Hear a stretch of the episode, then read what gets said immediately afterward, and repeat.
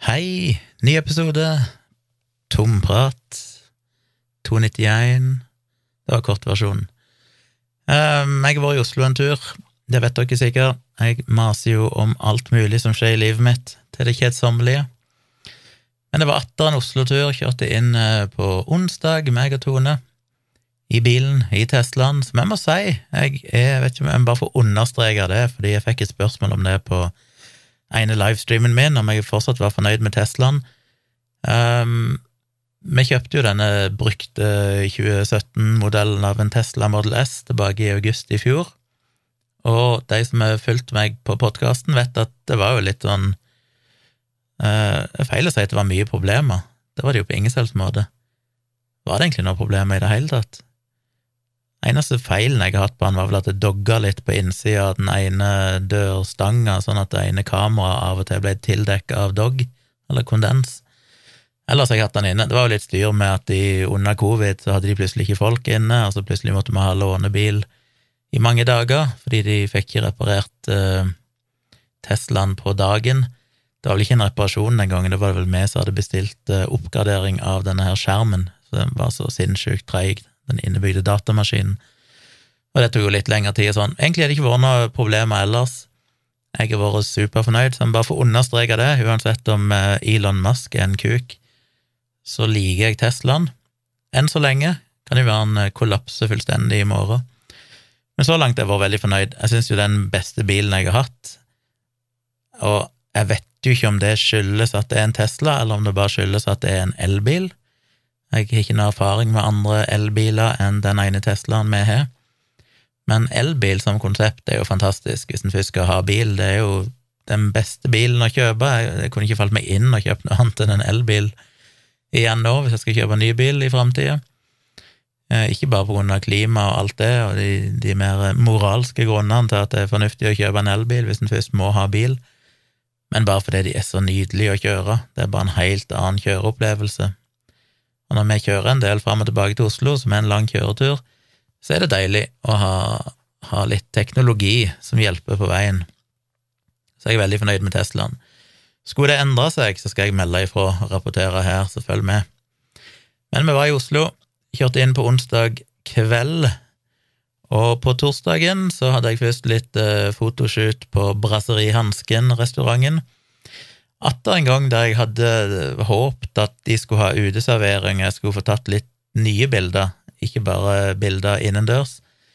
Nå har de jo rigga til uteservering, og det var masse bord på utsida, med duk og bestikk og glass og alt som var, men ingen folk, fordi det var ikke det beste været.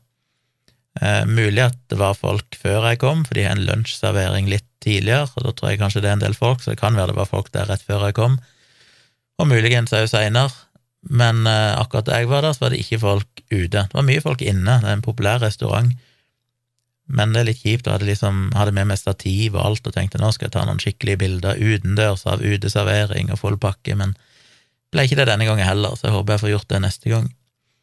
Men jeg fikk iallfall tatt litt bilder på Brasserihansken, og så på kvelden så var det jo eh, dialogisk innspilling, og det var jo en interessant affære. Fordi vi har jo pleid å spille inn i til, studioet til moderne medier, og de holder jo til 50 meter eller 100 meter ifra Brasserihansken, rett over gata der. Men så fikk vi jo beskjed dagen før, eller et par dager før, at det plutselig var en festival som skulle være der på Kontraskjæret, altså rett med Akershus festning ned mot Aker Brygge, eller ned mot Rådhuset. Og eh, den skulle vel egentlig være oppe på Grünerløkka en plass, men av en eller annen grunn så hadde den blitt flytta i siste liten, så der bygde de jo scene og skulle ha da festivalen skulle starte på torsdagen, rett utenfor veggen til moderne media. Så de var jo litt sånn skeptiske, de visste jo ikke, men de frykta jo at det kanskje ikke var så optimalt å spille inn der, hvis det var en dundrende konsert rett ut forbi. Så vi endte opp med at Dag sa at ei, vi kan spille inn hjemme hos meg, han har jo hjemmestudio sånn som meg, og spille inn sin egen debrief-podkast hjemme. Og så har jeg aldri besøkt Dag. Jeg har kjent han i fryktelig mange år, og han har jo vært hos meg flere ganger, men jeg har faktisk aldri vært på besøk hos Dag. Så det tenkte jeg var en god idé. Da fikk jeg slått to fluer i en smekk, både for spilt inn podkast og besøkt Dag. Dessverre så var ikke Tone helt i form, hun skulle egentlig være med, men hun orka ikke, så jeg reiste opp alene. Og det var kult. Da fikk jeg hilst Jeg hilste på, på kona hans. Han er gift, er han ikke det? Jo, han er vel gift.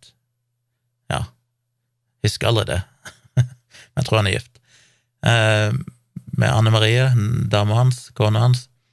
Hilst på henne bare én gang før, tror jeg, og det var i 40-års-bursdagsfesten eh, til Dag for noen år siden. Og da føler jeg bare jeg sa dumme ting til henne, i sånn desperat forsøk på å dra i gang en samtale. Men iallfall, fikk hilst på henne, det var hyggelig. Fikk hilst så vidt på sønnen hans, Sander. Og så fikk jeg hilst på Morty Dog, den berømte hunden, enøyde hunden hans, som har grå Det er gråstær, tror jeg, så jeg måtte fjerne et øye. Og det var koselig. Fikk sekkeren bydd den. Vi klatra opp i tredje etasje i hans lille kontor, studio, bibliotek, og Dag hadde med en kartong med vin. Og det var jo Jeg hadde jo knapt spist den dagen, jeg hadde spist et rundstykke eller sånt på morgenen. Og dette var da i 5.60 på ettermiddag slash kveld. Så jeg var, og hadde jo da jobba og fotografert, så jeg var litt sånn eh, litt tom i magen. Fikk et fullt glass med hvitvin og et glass med Cola Ziro, men så endte jeg opp med å bare drikke hvitvinen mens vi prata. Og jeg må si jeg likte, likte å spille inn der. Um, det, det, ble en Det ble en annen dynamikk. Jeg håper det kan høres i episoden som kommer ut i dag, av Dialogisk. Uh, jeg bare jeg koste meg. Sitte der i hver sin lenestol, face to face, uh, spille inn. Rent teknisk var det ikke optimalt, fordi i farten så spilte han bare inn på ett spor, så begge mikrofonene var på samme sporet. Det kan være litt tricky, for det hvis det er litt forskjellig volum på de to personene som snakker, da, så får du ikke gjort noe med det i ettertid, med mindre du vil sitte og manuelt gå gjennom hele lydfila og skru opp og ned lyden av hvem som prater. Det er ikke en jobb noen har lyst til å gjøre. Så normalt så spiller en inn hver sin mikrofon på hvert sitt spor, sånn at du etterpå kan justere opp og ned volumet på de individuelle sporene, sånn at de matcher hverandre. Ehm, det hørtes greit ut. Jeg tenkte la meg prøve å få det til på to spor, men så oppdaga jeg fort at det blir en stor jobb, for da må jeg nok installere en ny en eller annen programvare eller driver for å få mm, datamaskinen hans, som jo er en Windows-maskin, hysj, til å forholde seg til det. Så det orker vi ikke bruke tid på. Så vi spilte inn på et spor. Når jeg hørte på han nå, så merka jeg jo etterpå når jeg fikk tilsendt lydfiler av han seinere, at jeg var nok en del høyere enn han i lydbildet, så beklager det, men uh, han er ikke for låg. Det er ikke det at ikke du hører Dag, han er mer enn høy nok, men jeg er vel enda litt høyere, så det kan være litt sånn ubalanse. Men sånn blir det. Men jeg skulle gjerne spilt inn hos han flere ganger, fordi det ga en litt annen dynamikk, tror jeg. Og jeg drakk jo vin, og Dag var jo en eh, Han er jo en raus fyr, så han uh, fulgte på glasset mitt etter hvert som jeg drakk. Og plutselig så hadde jeg tylla i meg tre glass vin på tom mage, og merka at jeg plutselig begynte å se to stykk av Dag. Derfor heter episoden Dobbeltdag. Um, jeg ble rett og slett litt sånn eh, bedugga. Og det er klart, når du er litt uh, bedugga, så merker en jo ikke nødvendigvis sjøl. Så jeg innbilte meg jo at samtalen var bra likevel, at det ble en fornuftig episode. Men gudene vet, jeg har ikke turt å høre på det. Det kan jo være det var bare ræl på slutten, siste halvdelen, etter hvert som alkoholen eh, traff meg. Og jeg drikker jo så usedvanlig sjelden, og det er vel flere år siden sist jeg var noen form for berusa, så litt uvant. Men ja, det ble jo moro, da, og da koste seg. Han syntes det var dritgøy at jeg eh, tydeligvis var litt påvirka av alkoholen. Men det ble iallfall en episode av det, så jeg håper dere setter pris på den. Det ble en ganske lang episode òg, over to timer.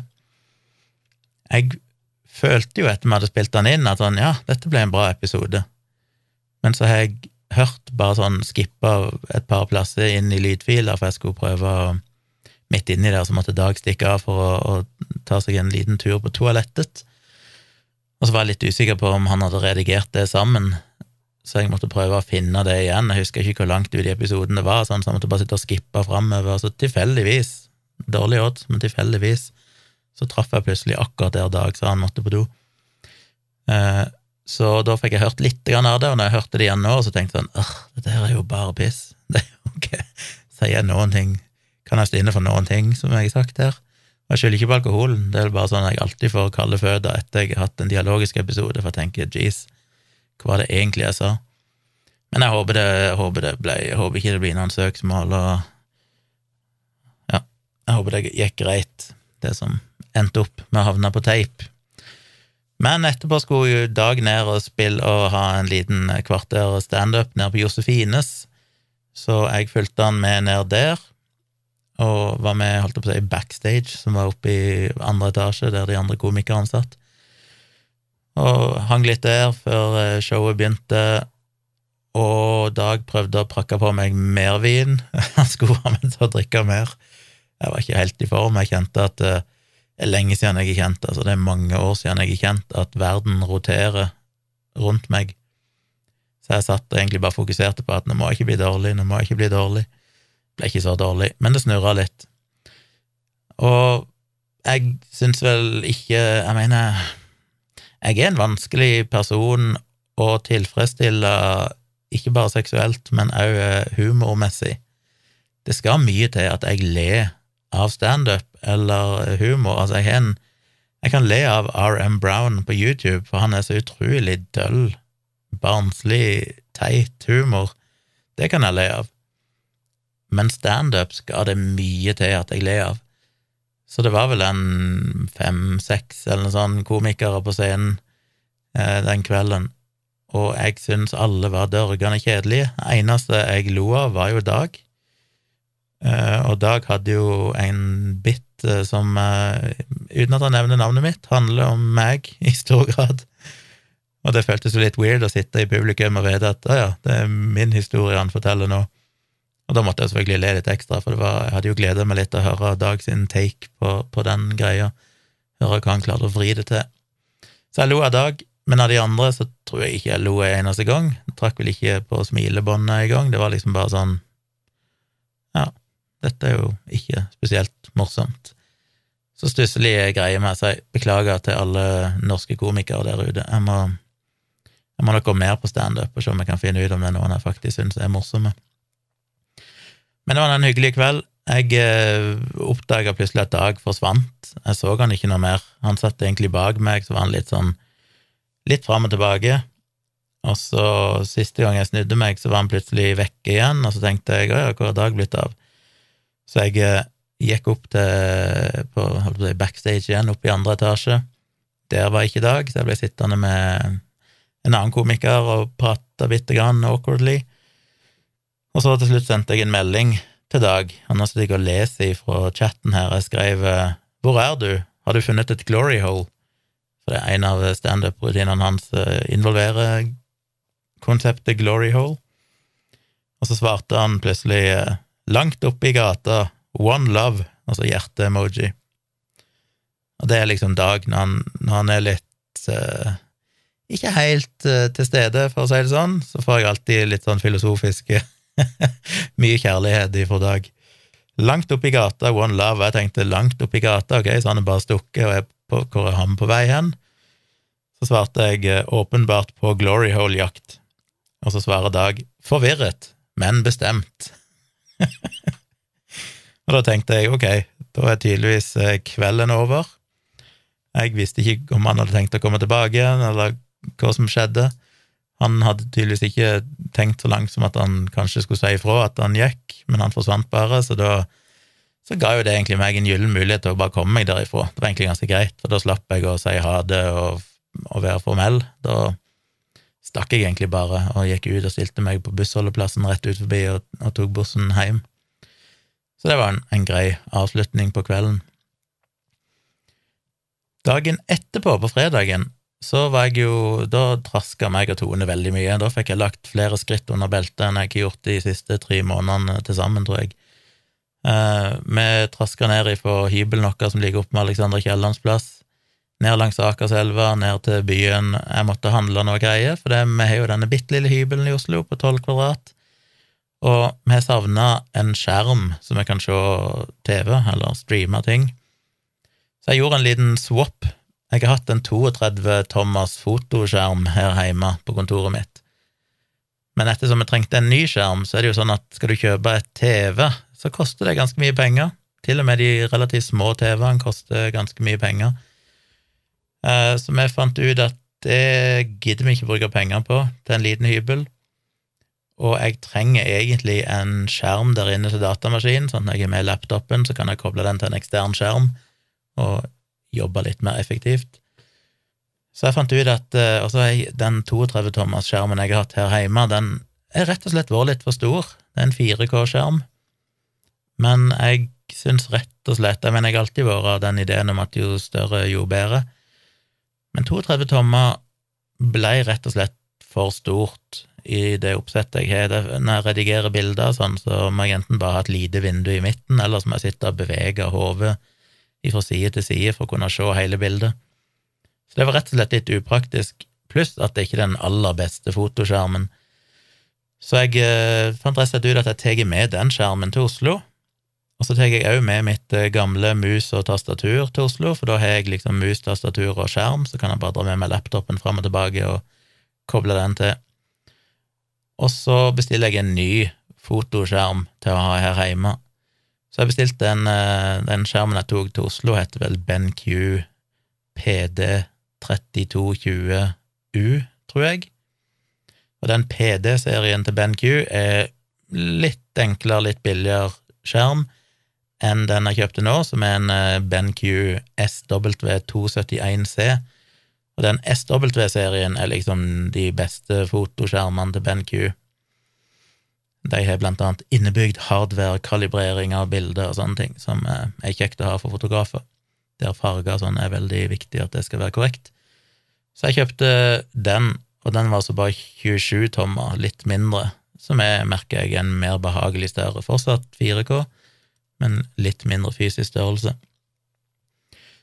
Så jeg bestilte den, og jeg rigga den opp her hjemme. Kjøpte òg et Logitech-tastatur. Eh, Hva det heter MX MX Keys for Mac heter den, og en MX Master 3-mus, som alle mener er liksom den beste musa du kan få.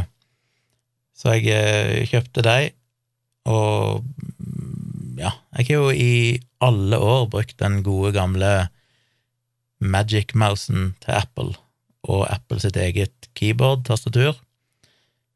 Jeg egentlig likt de veldig godt. Jeg, det er mange som hater den der Magic Mouse, for den er veldig liten og veldig minimalistisk.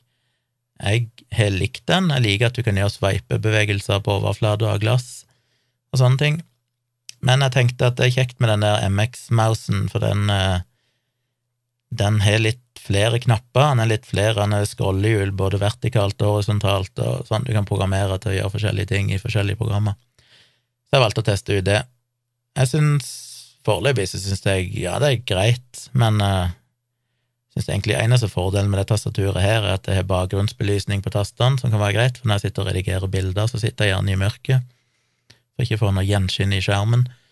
Og det er litt kjekt å ha litt lys på tastaturet og sånn, men ellers så må jeg si jeg fortsatt er en stor fan av Apple sin mus og tastatur. Det er nok sikkert fordi jeg bare er vant med det, for jeg har alltid brukt det, men for meg har det funka helt glitrende, så Så anyway, jeg har iallfall fått uh, bytta ut noe utstyr her. Så jeg fikk kobla opp uh, skjermen i Oslo. Vi kjøpte oss en uh, Apple TV, uh, for det, vi ser jo ikke lineær-TV, men da kan vi både airplaye ting til den enkelt, og så har vi da automatisk tilgang på alle abonnementer, Netflix og HBO og TV2, Zoom og alt det vi her hjemme. Men lyden i den skjermen er jo crappy. Det er jo en fem watts høyttaler som høres ut som en liten blikkboks. Så jeg fant jo fort ut at vi må ha en høyttaler til denne skjermen. Så det traska vi ned i byen for å kjøpe, da. Måtte kjøpe meg eh, en liten sånn eh, reisehøyttaler, bare sånn som du drar med deg på stranda, holdt jeg på å si, eh, som kan koble til med Bluetooth. Så vi koblet, kjøpte den og bare satte i vinduskarmen, bare så vi har litt bedre lyd enn den innebygde skjermlyden. Men da ble det egentlig ganske greit. Da var det fint å ha det som en sitte i sengen, for det er jo ikke plass til noe annet enn en seng i den hybelen.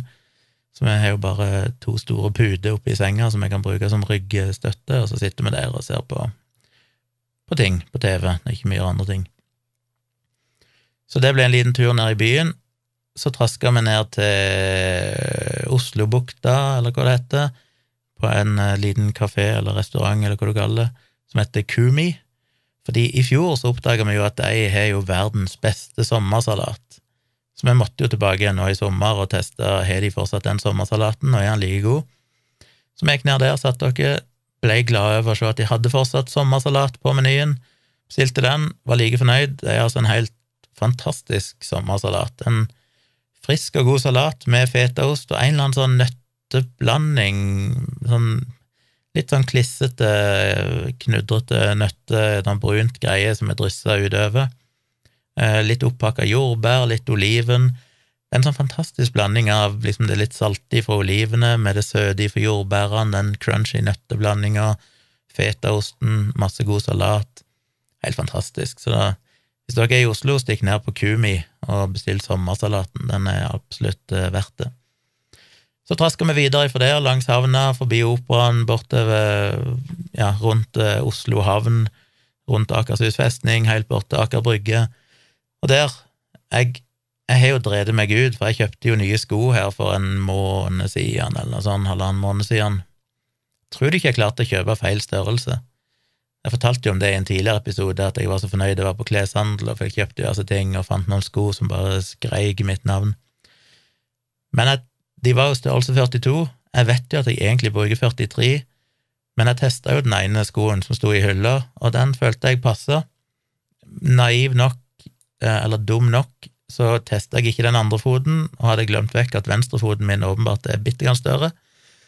Så jeg fikk jo med meg de skoene hjem, begynte å bruke de, oppdaga ganske fort at mm, de er kanskje hakket for små. Men så tenkte jeg ja, ja, nå har jeg jo kjøpt disse skoene. De var ikke veldig dyre, var noen hundrelapper, men, eh, men allikevel så tenkte jeg når jeg har kjøpt de, så må jeg jo bare bruke de. Men jo mer jeg går på de, jo mer oppdager jeg at det er jo et helvete. Så når vi gikk eh, så langt som vi gjorde den dagen, så var det jo som å gå på nåler til slutt, fordi ikke bare er de for små, så jeg får gnagsår på tærne, men de er så tynne såler, det er sånn du kjenner hele underlaget under, det er ikke noe, er ikke noe demping i sålene på de. Så de var ikke så veldig gode å gå med, så jeg hadde jo så fuckings vondt, jeg måtte jo ta pauser hele tida, for jeg holdt jo ikke ut. Så når vi kom til Aker Brygge, så sa jeg vi må kjøpe en softis i en av disse softis-bodene der og satte dere ned på trappa ned mot sjøen. Spiste softis, gikk videre, hadde gått uh, lenger bort til Aker Brygge, så fikk jeg plutselig en notification på klokka mi som sa at øy, du har glemt igjen telefonen din. Og det er da du blir litt glad i Apple sitt økosystem, for den varsler jo om sånt. Hvis han merker at uh, telefonen min kommer for langt ifra kroppen min, så sier han ifra at du har kanskje glemt telefonen din en plass, eller han sier vel ikke egentlig det, han sier vel bare at plutselig at uh, sist det jeg så telefonen min din, var på Aker Brygge. Og da gikk det opp for meg at oi, shit, jeg har lagt igjen telefonen på trappa midt på Aker Brygge, der det er tusenvis av folk. Så jeg måtte jo tilbake igjen. Uh, gikk først forbi der vi satt, og så oppdaga jeg at oi, jeg har gått forbi, jeg må tilbake igjen. Kom tilbake igjen, der var det ingen telefon. Og jeg bare tenkte fuck, altså, dette er tungvint, jeg skal ta bryllupsbilder i morgen, jeg er avhengig av telefonen for å kommunisere alt dette her, planlegge. Men så plutselig hører jeg noen rope bak meg, så var det Tone, og så hadde hun telefonen i hånda. Hun hadde faktisk på en eller annen måte kommet der før meg, hun gikk vel rett bak meg, og så gikk jo jeg forbi der vi satt, så så hun at telefonen lå der, plukka den opp, og så snudde jeg og kom tilbake igjen, og så ja, unngikk vi hverandre på en eller annen måte, så heldigvis fikk jeg telefonen, så poenget med den historien var bare at uh, glad for at Apple varsler om sånt, for ellers hadde jeg neppe funnet igjen den telefonen. Da hadde sikkert ikke jeg oppdaga det på en god stund, at den eh, telefonen lå igjen. Så det er bra. Det redda meg. Men det vi egentlig skulle ned på Aker Brygge og gjøre, det var at jeg skulle eh, gå rundt og kikke litt rundt uh, The Thief-hotellet, fordi der skulle jeg jo ta bilder av bryllup dagen etterpå, og måtte finne noen plasser å ta parbilder, så jeg gikk litt rundt der på Tjuvholmen, kikka, tenkte ja, der kan de gå, og her kan de stå, og sånn og sånn og sånn, og, og lagde en liten plan i hodet mitt for dagen etterpå. Dagen etterpå så var det bryllup på lørdagen. Jeg hadde med meg eh, min venninne som var med som assistent på Geilo òg. Eh, og så hadde de egentlig booka meg inn bare til halvdagsbryllup, som er fem timer. Og da skulle jeg egentlig begynne sånn i ett-tid med å ta bilde av brudgommen, og så følge de utover dagen. Men så hadde jeg veldig lyst til å ta bilde av bruden òg, når hun gjorde seg klar, men hun skulle gjøre seg klar på en eh, frisørsalong, var det vel, oppe på Majorstua en plass. Og så sa jeg at det kan jeg gjøre gratis, jeg har så lyst til å ta de bildene, så jeg tok taxi fra hybelen og opp til Majorstua, til den frisørsalongen. Tok litt bilder der av bruden som ble sminka, og forlovere og sånne ting. Og så gikk vi opp til Majorstua sentrum og tok trikken ned til Tjuvholmen. Kom inn på hotellet. Der var det ingen. Først var det jo kaos på hotellet, for det var så mye folk, og den ene heisen var sto stille, og et eller annet som måtte stå i kø lenge. Men til slutt så fikk jeg med meg og en resepsjonisten eh, til å ta oss med opp på taket der bryllupet skulle være, så jeg kunne bare kikke litt og se hvordan det så ut. Og så gikk vi ned til brudgommen, som hadde et hotellrom der. Der eh, var det ingen folk, og så oppdaga jeg jo at oi, jeg er jo faktisk en del tidligere, det var jo ikke før ett han skulle være der. Så hun sa at vi kunne jo sette dere i andre etasje, der de har liksom eh, frokost, lunsj, eh, middagssal, og ta en kaffe. Så tenkte jeg ja, det kan vi gjøre. Så vi gikk der, eh, meg og venninna mi satte dere ned, tok en bestilte kaffe, drakk den. Når klokka ble ett, så tenkte vi da får vi stikke opp på hotellrommet. Gikk derifra. Jeg sa liksom takk til personalet og gikk, og sto med heisen og venta. Og så kommer de springende etter meg og sånn 'Oi, jeg måtte visst betale'. Og da blir jeg litt sånn Jeg sa jo ingenting, jeg gikk bare og betalte, men det var vel noe sånn som 130 kroner for to kopper kaffe.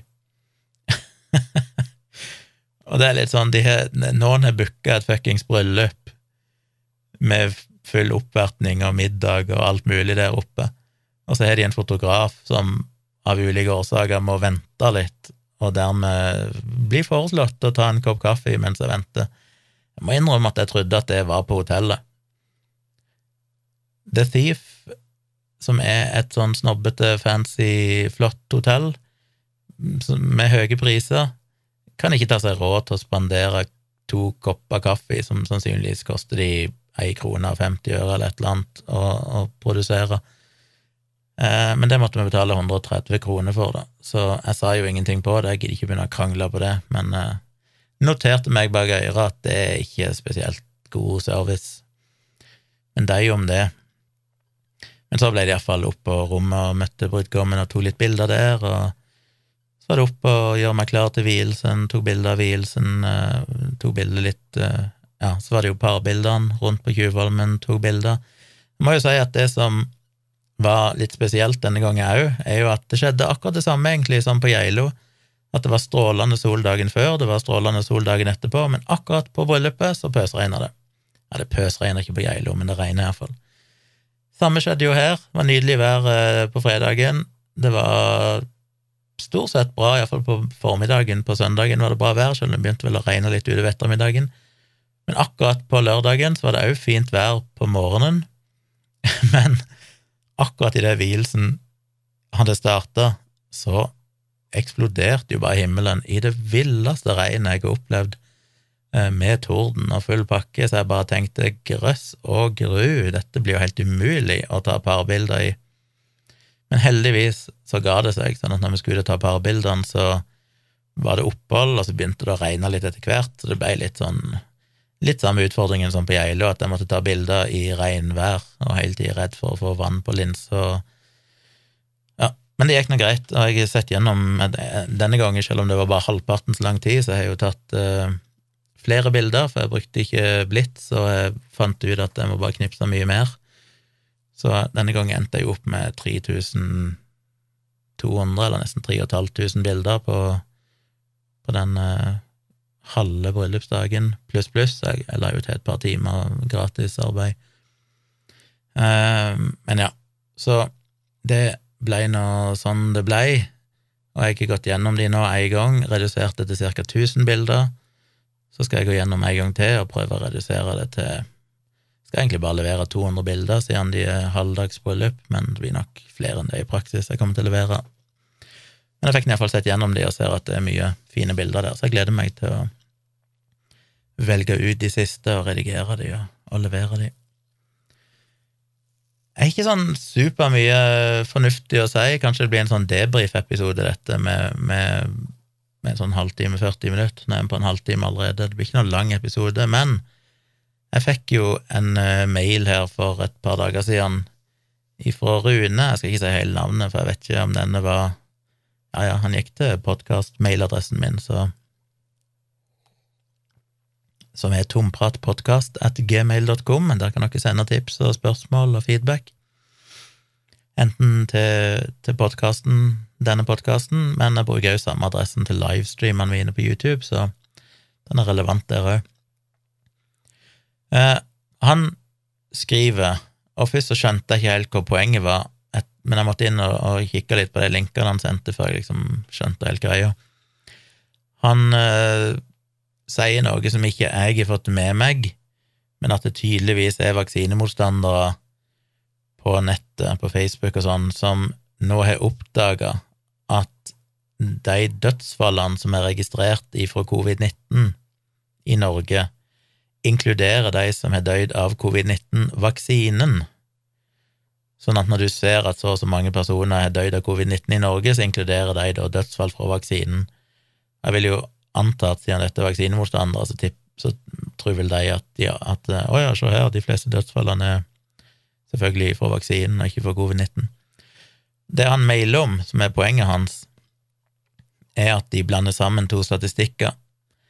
Fordi du kan gå inn på noe som heter for Statistikkbanken, som eh, ligger på statistikkbank.foi.no slash dar som står for Dødsårsaksregisteret, bare at det er en A istedenfor en Å, siden Å funker dårlig, norske tegn funker dårlig. Men eh, DAR, altså, statistikkbank.foi.no slash dar, og der eh, har de da statistikk over alt mulig av dødsfall, eh, ulykker og sykdommer og alt mulig, inklusiv at du kan, hvis du graver litt nedi, så finner du da tall for dødsfall fra eh, covid-19 og de inkluderer, så vidt jeg kan skjønne helt riktig, òg vaksinedødsfall, for der står det på forsida Statistikkbankens tabeller er revidert i forbindelse med publisering av dødsårsaker for 2021. Dødsårsaken covid-19 inkluderer nå dødsfall der underliggende dødsårsak er bivirkning av covid-19-vaksine. Men det har da en egen ICD-10-kode, som er U12.9. Så det så ut til å stemme at i Statistikkbanken så inkluderer de dødsfall fra covid-19-vaksinen i tallene for dødsfall fra covid-19-sykdommen. Men så er det en link der det står 'For mer detaljert informasjon om disse dødsfallene, se artikkel om covid-19-assosierte dødsfall'.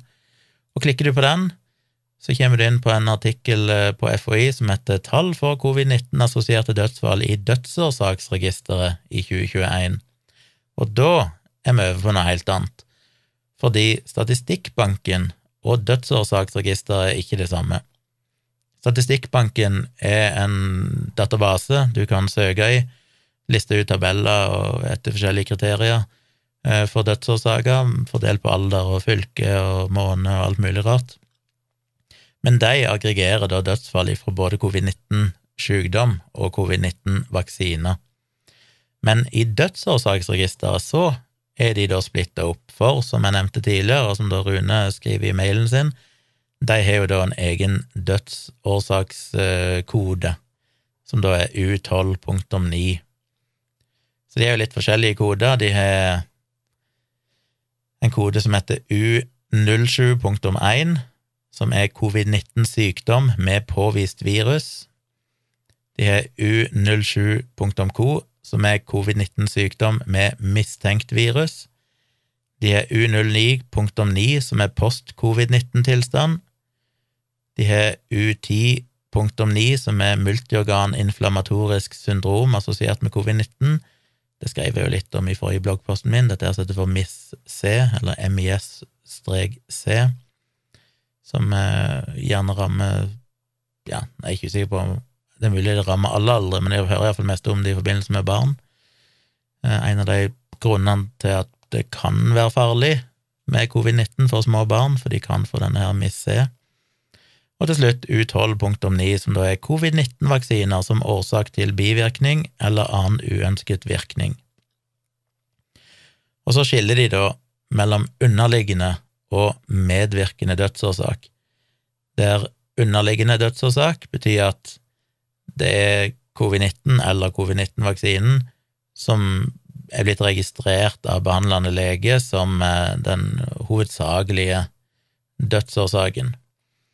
Mens medvirkende dødsårsak, så mener legen at det var nok en annen tilstand som kan ha vært den viktigste grunnen til at pasienten døde, men det at de hadde covid-19, var en medvirkende årsak. Det bidrog nok til dødsfallet.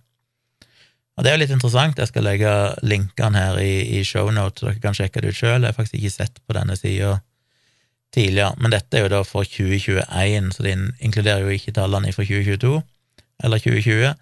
Og i 2020 så hadde de jo ikke med vaksinedødsfall, eh, fordi det var ingen som var vaksinert egentlig i 2020. Så det er først i 2021 at det ble relevant å registrere de som eventuelt døde av vaksinen. Og da er jo spørsmålet hvor mange er det? Det høres jo litt skummelt ut at de tydeligvis registrerer dødsfall fra vaksinen. Er det, er det faktisk mange som er døde av covid-19-vaksiner? Og det er jo en, en, litt komplisert greie, som jeg òg har blogga om uh, for lenge siden. Dette med at uh, ja, noen har nok dødd av vaksinen, men det er primært to grupper. Det er de Hvor mange er det? Det er Et øyeblikk, skal jeg finne, finne det. Ja, nå finner jeg det ikke. Men hva er det? Tre, fire, fem personer som døde av uh, Fanken at jeg ikke klarer å se det når jeg sitter her og, og kikker. Men noen veldig få, i hvert fall som døde i forbindelse med AstraZeneca-vaksinen. De vet mye om. Jeg lurer på om det var tre, eller var det fire, som endte opp med å dø til slutt. Det var jo relativt unge mennesker, og vaksinen ble jo da stoppa. Uh, utover det så er jo dødsfallene knytta til særdeles skjøre personer. Det vil si folk som, og det jeg jo skrevet om i bloggen, det er sånne kategoriene med hva det var det, over åtte på, på eh, Holdt på å si skjørbarhetsskalaen. Må jeg google meg sjøl, da. Google bloggen min og finne ut hva i all verden det heter for noe. Det var den bloggposten som heter 'Har 23 gamle mennesker dødd av koronavaksine'? Og det Nei, det var ikke Var det ikke den? Nå blir jeg Nå blir jeg helt dag her i måten han òg sitter og ja, Nå husker jeg ikke begrepet lenger, akkurat dette, men poenget er at det er folk som er veldig, veldig skjøre. Det er folk da som er så sjuke fra før at de krever pleie 24 timer i døgnet. De har sannsynligvis bare dager eller uker eller måneder igjen å leve, i beste fall, eh, og har da flere alvorlige tilstander de lider av fra før. Noen av de kan ha dødd, og med sannsynlighet døde av vaksinen. Og Det gjorde jo òg at de da endra litt på retningslinjene, at de fant ut at kanskje vi ikke skal vaksinere enkelte av disse, fordi at det ikke er verdt det. De har så kort tid igjen å leve likevel at hvis du gir dem en vaksine som kanskje vipper de over kanten fordi de får en, en lett feber, eller de får en eller annen immunrespons som er helt ufarlig for folk flest, men som når du da er døden nær allerede, så kan det være nok til å, at de kreperer. Det samme kan skje om du gir dem et par Paracet, så kan det gi en bitte liten blødning eller et eller annet som gjør at de, de dør av det. Eh, så det er jo ikke noe med vaksinen å gjøre, i den forstand at vaksinen er jo ikke farlig av den grunn, ikke noe farligere enn alle andre legemidler som vi bruker hver dag, og som blir regna som å være helt trygge. Men er du i en spesielt skjør tilstand, så kan det være nok til å vippe deg over kanten. Og det de finner da i denne tabellen her, at i 2021 så registrerte de totalt Ja, de skiller mellom de som er bosatt i Norge, og de som er nordmenn, men ikke bosatt i Norge. Eh, men 862 bosatt i Norge, eller 870 totalt, som døde av covid-19 som underliggende dødsårsak. Og det vil igjen si at de som hovedsakelig da døde av covid-19 som den primære årsaken. Eh, og der var 19 av de døde av vaksinen. Og det inkluderer jo da de tre-fire personene som sannsynligvis døde av AstraZeneca-vaksinen, og resten av de er jo da de folkene som har dødd på sykehjem. Og det ser en ganske lett når en ser på alderen til disse folkene. Ja, fire tilfeller. Ved fire tilfeller er det rapportert trombocytopeni, hjerneblødning eller infarkt på dødsmeldingen, og det er vel da de fire, tror jeg, som døde av AstraZeneca. Eh, men utenom de, så er jo gjennomsnittsalderen for alle vaksinerelaterte dødsfall var jo da 79 år. De aller fleste av de dødsfallene ble meldt i mars og april 2021, som òg viser at dette er jo da gamle folk, for det var gamle folk og folk med underliggende sykdommer som primært ble vaksinert så tidlig. Eh, og, og husk at de døde vel før eh, dødsfallene ble meldt, for det tar litt tid. Og så finner de at eh, hvis du bare skiller ut de dødsfallene der vaksinen ble regnet som en underliggende dødsårsak, altså en, en hovedårsak til dødsfallet, så var gjennomsnittsalderen 77 år. Og hos de aller, aller fleste så var det rapportert kroniske sykdommer, blant annet demens, nyresykdom, kronisk lungesykdom og kreft, bortsett fra de fire da, da det var rapportert om trombocytopeni, hjerneblødning eller infarkt.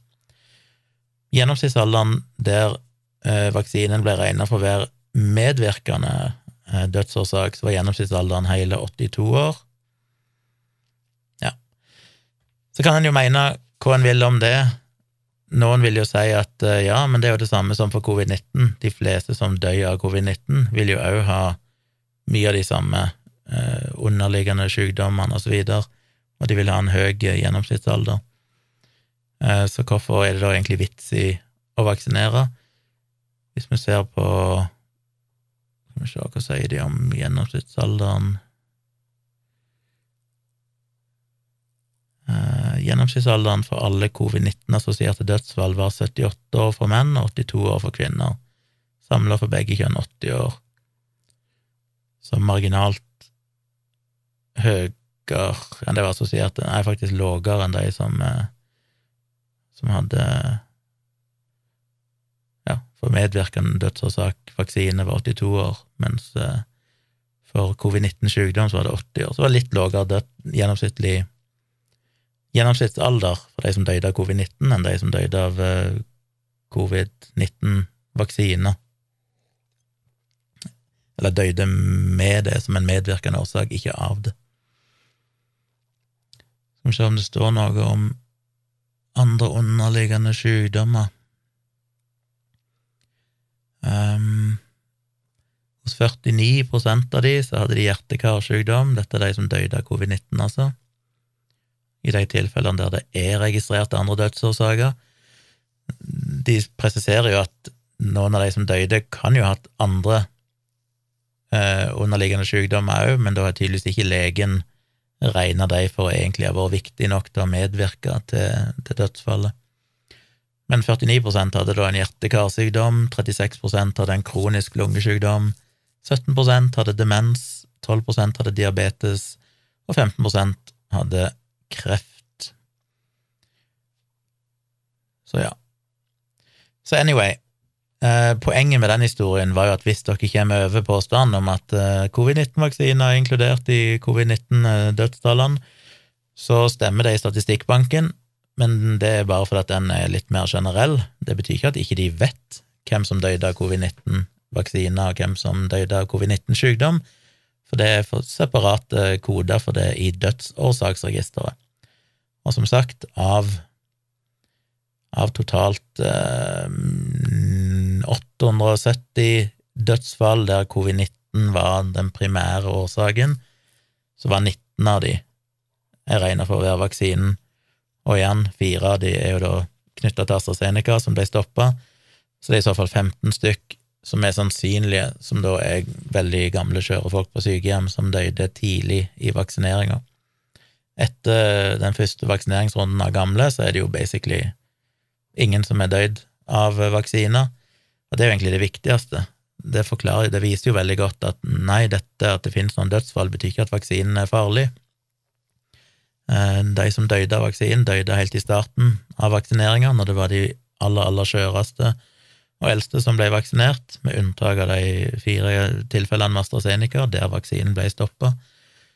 Eh, etter det så har det ikke vært noen dødsfall. Det er ikke sånn at folk driver og kreperer av som bivirkning av covid-19-vaksinen. Det har ikke skjedd vel i noen tilfeller, unntatt AstraZeneca-greiene, hos unge folk, så nei. Så det viktige er at dette har vi egne koder for. Dette er registrert, dette finnes i databasen, den finnes bare ikke skilt ut i statistikkbanken, men den finnes i dødsårsaksregisteret.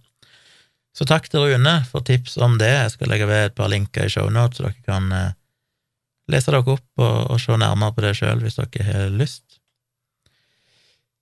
Hadde jeg noe mer å si da?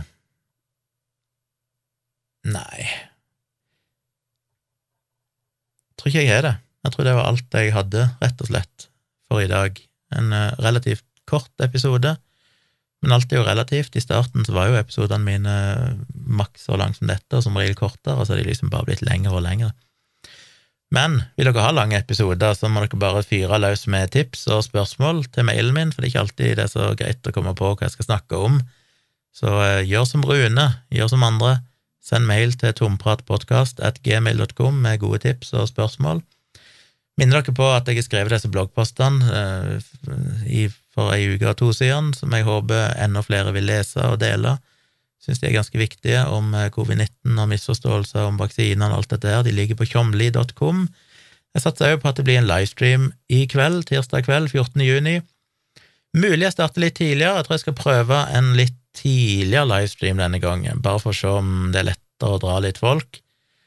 La meg si at jeg rett og slett starter så tidlig som klokka ni, skal vi si det sånn? Ni på kvelden kjører jeg livestream inne på YouTube-kanalen min, Tvilsomt med Tjomli. Livestreamen heter Tomprat live, så det er bare å søke etter den.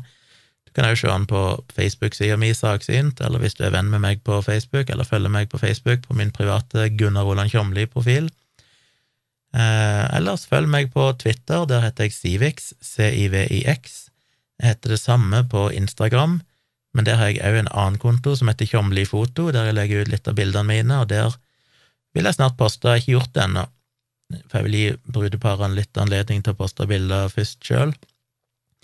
Men etter hvert så kommer det litt uh, bilder fra begge de bryllupene jeg har tatt uh, bilder på i det siste. Og er du interessert i å booke meg som fotograf, enten til um, en restaurant eller en kafé eller en bedrift som trenger noen bilder til nettsida si, eller du skal gifte deg eller kjenne noen som skal gifte seg, ta gjerne kontakt via foto.tjomli.com. Der er det et kontaktskjema. Eller du kan jo maile meg på tompratpodkast.gmil.com hvis det er lettere. Du finner meg rundt forbi. Så veldig kult å få flere fotooppdrag, det har jeg veldig lyst på. Så følg med på Tjomli foto på Instagram, og jeg er jo Tjomli foto på Facebook. Der skal jeg dele litt brudebilder etter hvert, og de siste bildene fra restaurantshooten min òg, så dere kan se på dem. Blir veldig glad når folk følger meg der, så de kan få med det jeg deler. Men uh, livestream i kveld, altså, litt tidligere enn vanlig, klokka ni. Så håper dere vil joine meg der. Dere kan delta i livechat, stille spørsmål, alt. Dette minner òg om at jeg har et tonn med bøker her på lager som jeg selger billig, så hvis dere går inn på tjomli.com slash bestill, så finner dere oversikt over de bøkene mine, både lydbøker og fysiske bøker, og pakkepriser og priser og bestillingsskjema. Vil dere ha signert bok i posten, eller dere skal gi gave til noen, noen som har bursdag i sommer, kan du gå inn der, tjomli.com slash bestill, og bestille bøkene mine signert med en liten hilsen. Det er jo en unik og fin gave å gi til folk. Um, gjør gjerne det, det blir jeg glad for. De tar altfor mye plass her og trenger å bli kvitt dem. Ja, jeg tror det var alt for i dag. Jeg regner med at jeg er tilbake med en ny episode. Denne uka skal jeg ikke reise noen plass, og da blir det vel en ny episode allerede på fredag.